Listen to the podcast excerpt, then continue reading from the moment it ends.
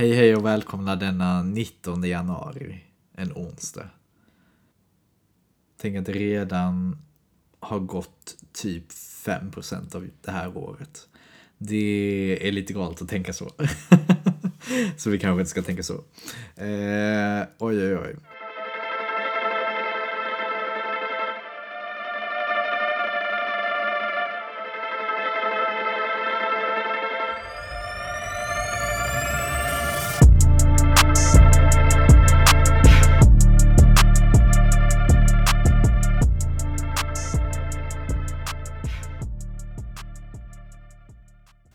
Vi börjar med att be tillsammans.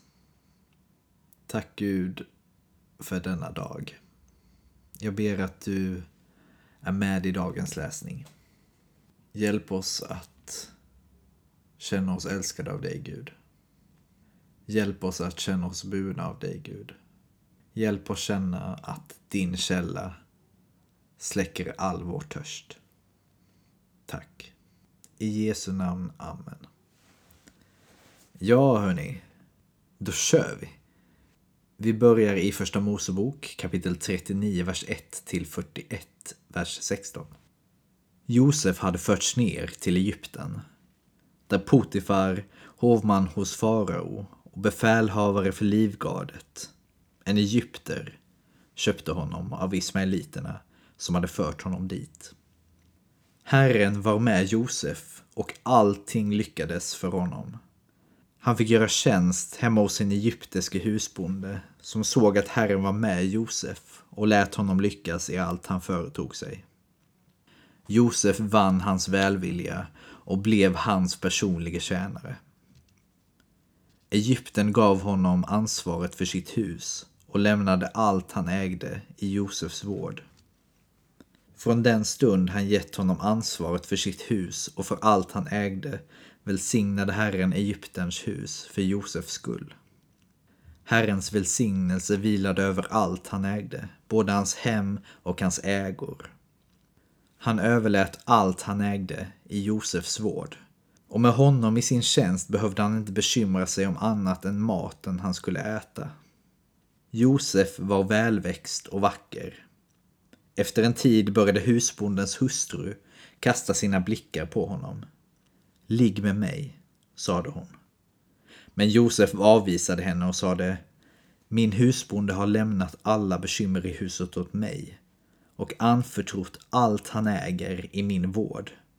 Här i huset har han inte mer att säga till om än jag. Han nekar mig ingenting, utom dig, eftersom du är hans hustru. Hur skulle jag då kunna handla så illa och synda mot Gud? Och fast hon dag ut och dag in försökte övertala honom lyssnade han inte på henne och ville inte ligga med henne och vara henne nära. En dag kom han som vanligt in i huset för att sköta sitt arbete och ingen av husets folk var inne. Då högg hon tag i hans mantel och sade Ligg med mig. Men han lämnade manteln i hennes hand och sprang sin väg. När hon såg att han lämnade manteln och flydde ropade hon på husets folk och sade till dem Se bara. Han har tagit hit en hebré som vill roa sig på vår bekostnad. Han kom och ville ligga med mig. Men jag skrek så högt jag kunde och när han hörde hur jag ropade och skrek lämnade han kvar sin mantel och sprang sin väg. Hon lät sedan hans mantel ligga kvar tills hans husbonde kom hem. Då upprepade hon sin berättelse för honom. Den hebreiske slaven som du har tagit hit. Han kom in till mig och ville roa sig. Men jag ropade och skrek och då lämnade han kvar sin mantel och flydde. När husbonden hörde sin hustru berätta om hur en slav hade burit sig åt mot henne fylldes han av vrede. Husbonden lät gripa honom och sätta honom i det fängelse där kungens fångar hölls inspärrade. Så satt nu Josef i fängelse. Men Herren var med honom och lät honom möta barmhärtighet. Han gjorde fängelsechefen vänligt stämd mot honom. Och denne lät Josef få uppsikt över alla fångarna i fängelset och ha hand om allt som skulle göras där. Fängelsechefen behövde inte ha någon tillsyn över det som anförtrotts Josef, eftersom Herren var med honom. Och Herren lät honom lyckas i allt han företog sig. En tid därefter hände det att den egyptiske kungens munskänk och bagare gjorde sig skyldiga till förseelser mot sin herre, kungen av Egypten. Farao blev vred på sina båda hovmän, förste munskänken och förste bagaren, och lät sätta dem i häkte hos befälhavaren för livgardet, i det fängelse där Josef satt fången. Och gardesbefälhavaren gav Josef i uppdrag att betjäna dem. Efter en tid i häkte hade de båda under samma natt var sin dröm, den egyptiska kungens munskänk och bagare, där de satt i fängelset. Och varje dröm krävde sin särskilda tydning. När Josef kom in till dem på morgonen såg han att de var betryckta. Då frågade han faraos hovmän, som tillsammans med honom själv satt i häkte, i hans husbondes hus. Varför ser ni så dystra ut idag? De svarade honom. Vi har drömt, men det finns ingen som kan tyda våra drömmar. Josef sade, att tyda är Guds sak. Berätta nu för mig. Då berättade förste munskänken sin dröm för Josef. Jag drömde att jag hade en vinstock framför mig. Den hade tre rankor och knappt hade den börjat skjuta skott förrän den stod i full blom och den bar klasar med mogna druvor. Jag höll faraos bägare i handen och jag plockade druvorna och pressade ut saften i bägaren och räckte den till farao. Josef sade, detta är uttydningen. De tre rankorna betyder tre dagar. Om tre dagar ska farao upphöja dig och ge dig tillbaka ditt ämbete.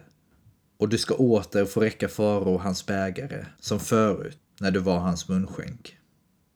Men tänk på mig när det går bra för dig och visa att du är min vän genom att påminna farao om mig, så att jag slipper ut härifrån. Jag rövades bort från hebreernas land och här har jag oförskyllt kastats i fängelse. När förstebagaren hörde att Josef gav en så gynnsam uttydning sade han till honom det var likadant i min dröm. Jag drömde att jag var tre brödkorgar på huvudet. I den översta korgen låg bakverk till farao av alla dess slag. Men fåglarna åt dem ur korgen på mitt huvud. Josef svarade, detta är uttydningen. De tre korgarna betyder tre dagar.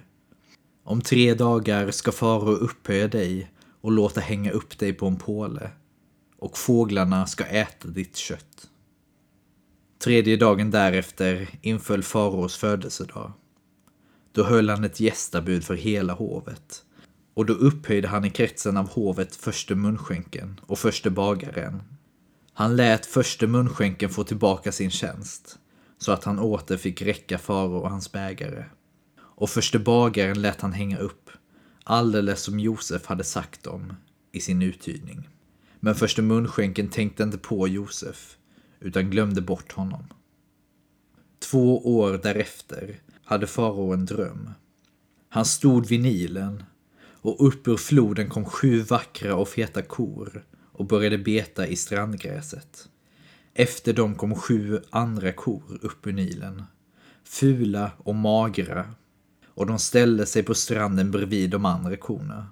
Och de fula och magra korna åt upp de sju vackra och feta.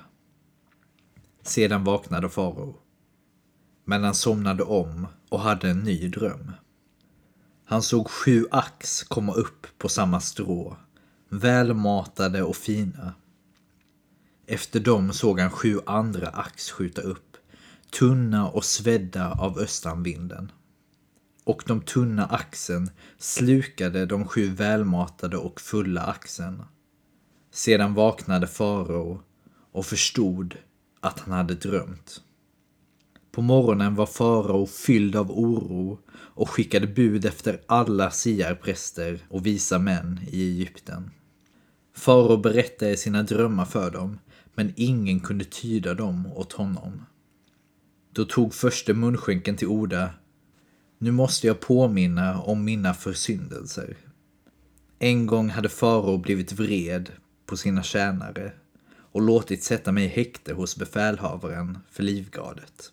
Mig och förstebagaren. Där hade vi under samma natt var sin dröm, han och jag, och våra drömmar hade var sin särskilda tydning. Hos oss hade vi en ung hebré som var slav hos gardesbefälhavaren. Vi berättade våra drömmar för honom och han tydde dem för oss, varje dröm för sig. Och så som han hade uttytt för oss, så blev det. Jag fick tillbaka min ställning och den andre blev upphängd. Då lät farao skicka efter Josef och man skyndade sig att hämta honom från fängelset. Josef fick raka sig och byta kläder och så kom han inför farao. Farao sade till Josef, jag har haft en dröm, men det finns ingen som kan tyda den. Nu har jag fått veta att du kan tyda de drömmar som du får höra. Josef svarade farao, inte jag, men Gud ska ge farao ett lyckosamt svar. Ja, det är en spännande historia. Den om Josef. Ni kanske känner igen den. Kanske inte. Det finns en eh, tecknad filmatisering av den här historien. Den heter Josef, drömmarnas konung. Jag rekommenderar den faktiskt. Den är väldigt bra. Vi går vidare till Matteus evangeliet kapitel 12, vers 46 till kapitel 13, vers 23. Medan han, alltså Jesus, ännu talade till folket kom hans mor och hans bröder. De stod utanför och ville tala med honom. Och någon sade till honom Din mor och dina bröder står där ute och vill tala med dig. Han svarade honom Vem är min mor? Och vilka är mina bröder? Och han visade med handen på sina lärjungar och sade Det här är min mor och mina bröder. Den som gör min himmelske faders vilja är min bror och syster och mor. Den dagen gick Jesus hemifrån och satte sig vid sjön. Det samlades mycket folk omkring honom och därför steg han i en båt och satt i den medan allt folket stod på stranden. Och han talade till dem med många liknelser. En man gick ut för att så. När han sådde föll en del på vägkanten och fåglarna kom och åt upp det. En del föll på de steniga ställena där det inte fanns mycket jord. Och det kom fort upp eftersom myllan var tunn. Men när solen steg sveddes det och vissnade bort eftersom de var utan rot. En del föll bland tistlarna och tistlarna växte upp och kvävde det. Men en del föll i den goda jorden och gav skörd. Hundrafalt och sextiofalt och trettiofalt. Hör, du som har öron. Lärjungarna kom fram och frågade honom Varför talar du till dem i liknelser? Han svarade dem Ni har fått gåvan att lära känna himmelrikets hemligheter, men det har inte de andra. Ty den som har, han ska få, och det i överflöd. Men den som inte har, från honom ska tas också det han har. Därför talar jag till dem i liknelser. Ty fast de ser, ser de inte. Och fast de hör, hör de inte och förstår inte. Så uppfylldes Jesajas profetia på dem. Ni ska höra med era öron men ingenting förstå och se med era ögon men ingenting uppfatta. Ty detta folks hjärta är förstockat. De är tröga att höra med sina öron och de tillsluter sina ögon. Så att de inte kan se med sina ögon eller höra med sina öron eller förstå i sitt hjärta och omvända sig och bli botade av mig. Men saliga era ögon som ser och era öron som hör. Sannerligen, många profeter och rättfärdiga har längtat efter att få se det ni ser, men fick inte se det. Att höra det ni hör, men fick inte höra det. Så hör då vad som menas med liknelsen om mannen som sådde. Var gång någon hör ordet om riket utan att förstå kommer den onde och snappar bort det som har blivit sått i hans hjärta. Det är sådden på vägkanten. Sådden på de steniga ställena. Det är den som hör ordet och genast tar emot det med glädje.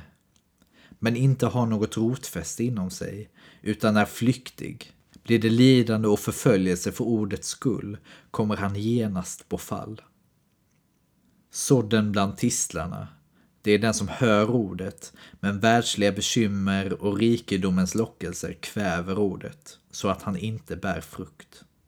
Men sådden i den goda jorden, det är den som hör ordet och förstår. Och han bär frukt, hundrafalt och sextiofalt och trettiofalt. Ja, det här var den första liknelsen vi fick höra från Jesus. Och det kommer komma fler. Men vi fortsätter i Salteren, psalm 17. En bön av David. Hör min rättvisa sak, Herre. Ge akt på mitt rop. Lyssna till min bön, jag talar utan svek. Av dig väntar jag min rätt, dina ögon ser vad som är sant. Du prövar mitt hjärta, Ransaka mig om natten, du granskar mig men finner inget brott. Inget ont kom över mina läppar, trots allt vad människor gjorde. Vid det ord du talat höll jag fast. Från budens stigar vek jag aldrig. Jag gick din väg utan att snubbla.